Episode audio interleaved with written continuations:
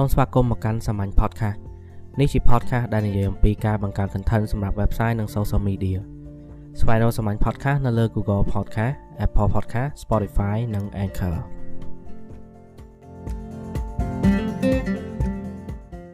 ប្រធានបទនៅក្នុងអេពីសូតនេះគឺ expert content ឬក៏ content ដែលចេញមកពីអ្នកជំនាញតើអ្វីទៅគឺជា expert content ហើយតើយើងធ្វើម៉េចទៅបានអា content របៀបហ្នឹងមកដាក់នៅក្នុង content marketing របស់យើង បើសិនជាខ្ញុំទៅសេ blog ធម្មតាគ្រាន់តែជាការបញ្ចេញយោបល់ឬក៏ការយកឃើញរបស់ខ្ញុំអាហ្នឹងវាមិនមែនជា expert ទេ expert គឺសំដៅទៅលើអ្នកដែលគេធ្វើការនៅក្នុងផ្នែកហ្នឹងគេស្រាវជ្រាវពីអាហ្នឹងហើយគាត់មានយោបល់តាក់ទងជាមួយនឹងប្រធានបទមួយហ្នឹងអញ្ចឹងអ្នកទាំងអស់គ្នាប្រកាសជាឆ្ងល់ហើយបើសិនជាត្រូវការមនុស្សរបៀបហ្នឹងតើយើងមានលុយណាទៅជួគាត់មកហើយយើងធ្វើមិនទៅអាចមានទំនាក់ទំនងជាមួយនឹងពួកគាត់បាន កុំតណាភ័យអ្នកទាំងអស់គ្នាប្រហែលជាភ្លេចរឿងមួយហើយថានៅក្នុងក្រុមហ៊ុនរបស់អ្នកទាំងអស់គ្នាមាន expert ច្រើនណាស់គឺអ្នកជំនាញគឺបុគ្គលិកដែលធ្វើការនៅក្នុងផ្នែកណាមួយរាប់ឆ្នាំពួកគាត់មានចំណេះដឹងច្រើនពួកគាត់ធ្លាប់អនុវត្តអាអ្វីដែលគាត់ធ្វើនឹងច្រើនអញ្ចឹងគាត់អាចមានយោបល់គាត់អាចមានជាកលឹះឬក៏ជារឿងសម្ងាត់អីមួយដែលគាត់មិនធ្លាប់ប្រាប់អ្នកណាសោះអញ្ចឹងអ្នកទាំងអស់គ្នាអាចពឹងឲ្យគាត់បញ្ចេញយោបល់របស់គាត់នឹងមកហើយ record ជាវីដេអូឬក៏សរសេរជា blog ទៅ អាហ្នឹងគេរាប់ថាជា expert content ហើយ business មិនថាទុំមិនថាតូចទេតែងតែមាន expert នៅក្នុងហ្នឹងគ្រាន់តែកម្រិតនៃការកម្រិតនៃជំនាញរបស់គាត់ហ្នឹងគឺវាខុសគ្នាអ្នកខ្លះធ្វើការបាន10 20ឆ្នាំអញ្ចឹងទៅអ្នកខ្លះគាត់តែធ្វើការ3 4 5ឆ្នាំប៉ុន្តែអាបទពិសោធន៍3 4 5ឆ្នាំហ្នឹងអាចជួយឲ្យ content របស់យើងហ្នឹងមាន credit ជាងមុនព្រោះវាចេញពីអ្នកដែលគេធ្វើអាហ្នឹងផ្ទាល់ឥឡូវខ្ញុំឧទាហរណ៍ថាបើសិនជាខ្ញុំចង់ធ្វើតាក់ទងជាមួយនឹងខ្ញុំចង់សរសេរអត្ថបទមួយតាក់ទងជាមួយនឹង consultant ខ្ញុំមិនអាចសរសេរពីខ្លួនឯងបានទេដោយសារតែខ្ញុំអត់ធ្លាប់ធ្វើ consultant ហ្នឹងអញ្ចឹងខ្ញុំប្រកាសជាហត់ទៅរកមិត្តភ័ក្ដិខ្ញុំដែលធ្វើផ្នែកហ្នឹងហើយសួរយោបល់វាខ្លះទៅហើយបន្ទាប់មកខ្ញុំ note ទុកហើយពេលតែត្រឡប់មកវិញខ្ញុំធ្វើ content ទៅតាមអ្វីដែលគេរៀបរាប់ហ្នឹងអញ្ចឹង content របស់ខ្ញុំគឺជា expert content អញ្ចឹងឥឡូវយើង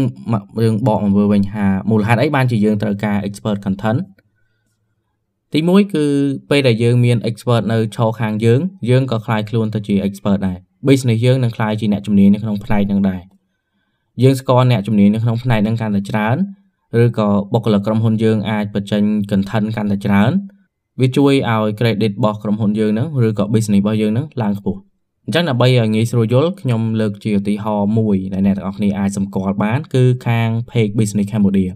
business Cambodia មានអ្នកនិពន្ធច្រើនមែនតើហើយឥឡូវនេះអ្នកនិពន្ធមួយមួយកំពុងលេចធ្លោមកជាអ្នកជំនាញនៅក្នុងផ្នែកអីមួយហើយ អ្នកខ្លះនៅក្នុងផ្នែក technology ទៅអ្នកខ្លះនៅក្នុងផ្នែក investment អ្នកខ្លះនៅក្នុងផ្នែក leadership អ្នកខ្លះទៀតនៅក្នុងផ្នែកផ្សព្វផ្សាយឬក៏ PR អីចឹងទៅអញ្ចឹងបុគ្គលិករបស់គាត់ទាំងអស់ហ្នឹងតាមតាមពិតគ្រាន់តែជាបុគ្គលិករបស់គាត់ទេប៉ុន្តែគាត់ចេះយកបុគ្គលិករបស់គាត់ហ្នឹងមកបង្កើត content ហើយជួយឲ្យបុគ្គលិកគាត់ក្លាយជា expert ជាអ្នកជំនាញអ្នកជំនាញដែលបង្កើត content ហើយបន្ទាប់មកគាត់យកគាត់សួរយោបល់អាបុគ្គលិករបស់គាត់នឹងទៀតដើម្បីបង្កើត content បន្តទៀត អញ្ចឹង content marketing របស់គាត់គឺដើរទៅដើរមកគឺវល់វល់អញ្ចឹងមានរហូតអត់ចេះអស់ហើយបើសិនជាយើងអង្គុយម្នាក់ឯងរកនឹក content តើយើងរកនឹកបានប៉ុណ្ណាតែបើសិនជាមានមនុស្សតែមួយក្រុម content របស់អ្នកទាំងអស់គ្នានឹងកើនឡើងហើយយើងមាន content កាន់តែច្រើនគេស្គាល់យើងក៏កាន់តែច្រើនដូចខ្ញុំនិយាយពី episode មុនអញ្ចឹង content របស់យើងគឺធ្វើឲ្យគេទុកចិត្តយើងគេទុកចិត្តលើចំណេះដឹងបទពិសោធន៍របស់យើងហើយជាពិសេសគេចូលចិត្តការចែកម្លែករបស់យើងហ្នឹងគេគិតថាយើងខ្វល់ពីប្រយោជន៍របស់អ្នកដទៃ អញ្ចឹងបើសិនជាអ្នកទាំងអស់គ្នាធ្វើការនៅក្នុងក្រុមហត់ទៅហៅអ្នកណាម្នាក់ហើយសួរយោបល់គាត់តាក់ទងនឹងអ្វីដែលគាត់ធ្វើទៅហើយយកមកធ្វើ content តាក់ទងនឹងហ្នឹងមកហើយចាំមើលថាតើ content របស់គាត់អាចជួយអ្វីខ្លះដល់ business របស់អ្នកទាំងអស់គ្នាអញ្ចឹងខ្ញុំមានតែប៉ុណ្្នឹងទេនៅក្នុង episode នេះអ្នកទាំងអស់គ្នាអាចត្រឡប់ទៅស្ដាប់ episode ផ្សេងៗទៀតបានហើយបើសិនជាស្ដាប់ហើយកុំភ្លេចចុច subscribe ឬក៏ follow podcast នេះផងបើសិនជាមានពេលអាចចូលទៅ review នៅលើ Apple Podcast ផងក៏បានដែរជួបគ្នានៅក្នុងអេពីសូតក្រោយអរគុណ